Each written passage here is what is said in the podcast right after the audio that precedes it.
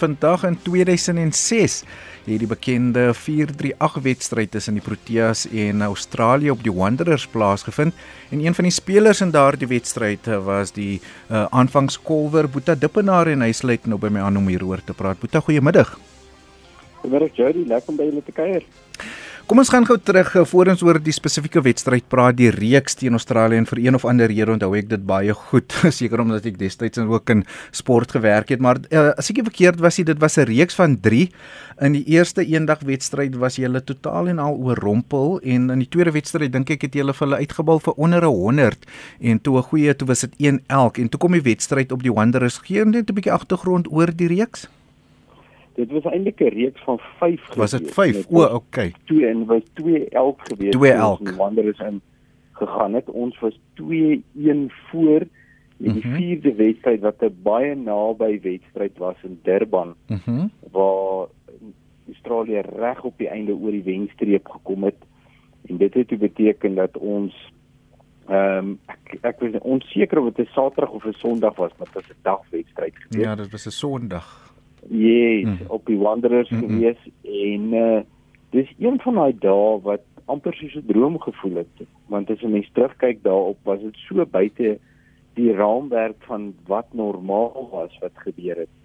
En uh die atmosfeer was ongelooflik. Daar's nie 'n plek vir 'n muis in die Wanderers gewees nie en almal het gebly reg tot op die einde. Mm. So dit was dit was net een van daai wedstryde wat 'n mens vir die res van jou lewe sal onthou. Ja, en uh, soos jy gesê dit was dan 2 elk um, en nie een elk nie. Um, ek dink dalk kan 'n ander reeks. Um, so uh, julle kom toe die Sondag daar op die Wanderers en um, dit is Australië wat eerste gaan kolf het en jy weet hulle breek toe die hulle breek eintlik toe eerste die rekord en om 400 aan te teken met Ricky Ponting 164. Uh, wat het deur jou kop gegaan toe jy daar op die veld staan en jy sien wat hier voor jou afspeel?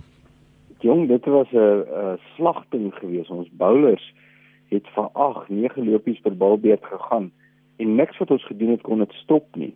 En uh, natuurlik daarso in die hoofveld is die lug dun en die bal trek ver en was 'n goeie blad geweest die dag. En dit was letterlik 'n kwessie geweest van as kan ek glo dat hierdie reeks so vinnig so weg van ons af glip nie. En ek dink die een voordeel wat gebeur het was dat dit was nie 'n groot totaal, dit was 'n enorme totaal geweest. Omdat dit so so groot totaal was wat ons moet jaag en 'n rekord wat klaar gebreek was, het ons eintlik niks gehad om te verloor nie. En ek dink Jock Kelly het eintlik die ys reg gebreek want toe ons middagete in die kleedkamer instap, toe sê hy reg manne, die bowlers het hulle werk gedoen, nou is dit tyd vir die kolwers om hulle uh, en hy hy hy het op 'n hmm. wyse gedoen, maar dit het die ys gebreek en dit het vir ons forceer om eintlik met absolute vryheid te speel. Want ons het niks gehad om te verloor nie. Ek gesels met Boeta Dippenaar oor eh, die 438 wedstryd eh, wat vandag in 2006 plaasgevind het op die Wanderers uh, die eerste keer wat 'n span um, meer as 400 lopies in 'n eendag wedstryd kon aanteken en dit was nie die Proteas nie, dit was Australië wat eerste gekolf het en uh, die Proteas wat toe uiteindelik uh, natuurlik ook daar die wet die telling gaan afval het. Uh, snaaks genoeg Boetas ek met my Australiese vriende en uh, joernaliste praat dan verwys hulle na die wedstryd as die 434 wedstryd want dit is wat die Aussies gekry het. ja, as jy probeer maar altyd so enetjie voorbly, maar dit was baie lekker geweest want dit was 'n baie goeie Australiese span geweest. Ja. Maar was en dit was uh, daar was baie satisfaksie uit die uit die feit dat ons die goeie Australiese span in Suid-Afrika kon gewen het. Kom ons gesels toe oor jy sê die grap wat Jacques Callis gemaak het oor die bowlers toe hulle vir middagete in die kleedkamer stap, maar as as kolwers as span het jy enige druk gevoel? Het jy gedink sjo 434 kan moontlik te veel wees. Wat was julle benadering en wat het in die spanpraatjie gebeur boeta? Nee ek dink ek dink Jacques het eintlik so die ys gebreek. Daar daar's net gesê dat ouens vir alle praktiese doeleindes is hierdie wedstryd verloor so ons wat ons ook al doen is uh, het ons niks verder om te verloor. En ek dink dit het uh, baie gou ek ek was vroeg uit gewees en Herschel Gibbs hmm. het hom kom aansluit by uh, by Graham Smith En die twee van hulle het ewe skielik het hulle begin 'n vernootskap bou, 'n vernootskap bou deur by die Lopi Tempo te bly. En uh, jy weet aanvanklik dink 'n mens wanneer so groot totaal daar is, daar gaan dalk 'n periode wees wat die kolwers gaan goed doen, maar éventueel raak die druk net te veel. En dit het vir 5 balbeerte gebeur, dit vir 10 balbeerte toe vir 15 toe vir 20 en ewe skielik het ons helfte van die balbeerte afgekolf. Ons het nog 9 paaltjies omtrent in die bank gehad en ons het by die loopie tempo gebly en ewe skielik is daar amper half gewees maar luister hierdie wedstryd kan eintlik nog gewen word. Hmm. Ehm um, dit was heen en weer die heel tyd, jy weet, want toe het ons paaltjies begin verloor maar ons by die loopie tempo gebly. Hmm. En so het elke een hierso in die middel en laer orde kolwers Johan van der Walt, Roger Telemakus, uh, Justin Kemp het almal belangrike klein beurte gespeel wat ons by die loopie tempo gehou het. En uh, en en ja, ek dink Mark Belcher was fenomenaal geweest hier op die einde geweest om ja. dinge bymekaar te hou. Mhm. Mm Ek stem. Ek kyk gou na Australië se telkaart in daardie wedstryd. Um Adam Gilchrist 55 van 44 balle. Simon Catage wat die beurt saam geopen het en 79 van 90 en uh, Ricky Ponting jy het snaaks genoeg vir Ricky Ponting uitgevang op 164 van 105 balle. Boeta Roger Telemarcus wat die balwerk gedoen het. Mike Hassie 81 Mr Cricket um 81 van 51 balle. En toe Andrew Simons op 'n 27-19 Brett Lee 9-9 in Australië toe eindig 4-3-4 vir 4 en hulle teen 8.68 gebul. Ehm um, onthou jy enige van uh, die ander spelers ons het nou gepraat oor die Ponting maar jy weet Mike Hussey, Adam Gilchrist en uh, um so aan uh, Simon Cattich en Gilchrist wat die beurt geopen en die fondasie gelê het eintlik. Hulle het hulle was baie goeie spelers gewees. Ricky Ponting definitief een van die beste spelers van van sy era. Ehm um, maar daar was ook 'n man gewees met die naam van Mick Loos wat sy laaste eendag wedstryd gespeel het vir Suid-Afrika, vir Australië.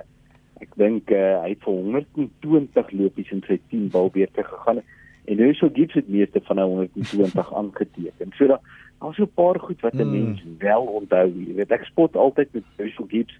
Hy was aangewys as man vir die Wes en ek het vir hom gesê ek is man van die Wesheid gewees want dit is ek.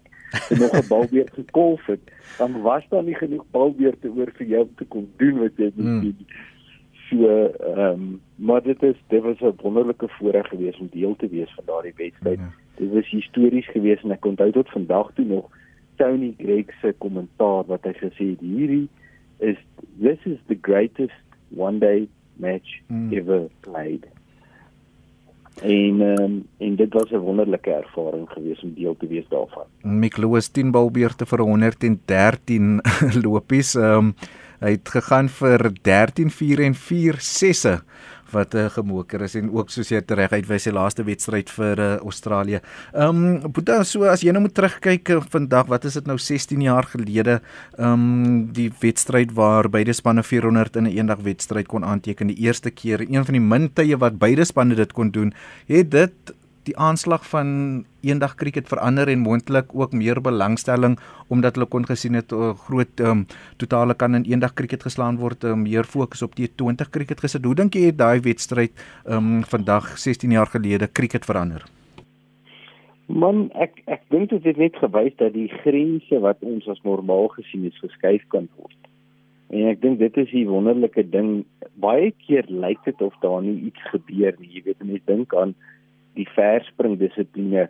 Jy het stil gestaan tot Bob Beamon eendag amper 'n meter verder as die res gespring het en daai wêreldrekord vir 'n lang periode van tyd toe weer gebly het eers voor dit verder verbeter is. Mens dink aan Roger Bannister wat die uh, sit 4 minute myl gehardloop het in 'n tyd toe almal gesê het wetenskaplik is ingesluit dit kan nie gedoen word nie tot dit gedoen is.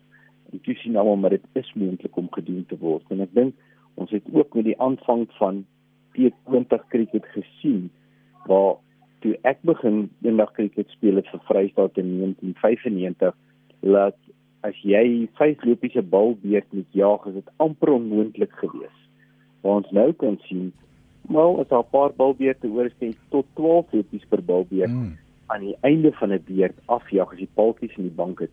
So ons sien net hoe die grense geskei word en ek dink hierdie wedstryd wat 16 jaar terug gebeur het, was instrumenteel om aan grense te skuif. Ek gesels met Boeta Dippenaar. Boeta, dink jy nog enigsins aan die wedstryd? So nou en dan? Ja, verseker. Ek het um, ek het uh, ek het ek het lekker collage van foto's van daai spesifieke wedstryd. Richie Raal het ook 'n ehm um, ehm um, 'n kunststuk uitgebring wat so 'n bietjie van die foto's uh, op uitbeeld en telkaarte. So dis lekker om om te weet 'n mens was deel daarvan. Uh, ja, natuurlik dink 'n mens daaraan as 'n mens dink aan hoogtepunte van 'n man se loopbaan. Dit is verseker een van hulle.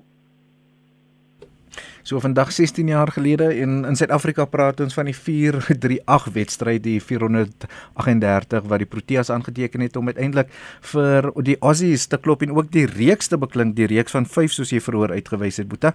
Ehm um, ja, ek onthou die wedstryd goed en dankie vir die herinneringe en dat jy ingestem het om vandag 16 jaar later ehm um, saam met my te gesels. Ek dink 16 jaar terug toe jy al terug in die kleedkamer of nog nie? Al lank al terug. Ek dink ek het al gewas en ek het spanning gesit te kyk hoe die einde van die wedstryd homself uitspeel.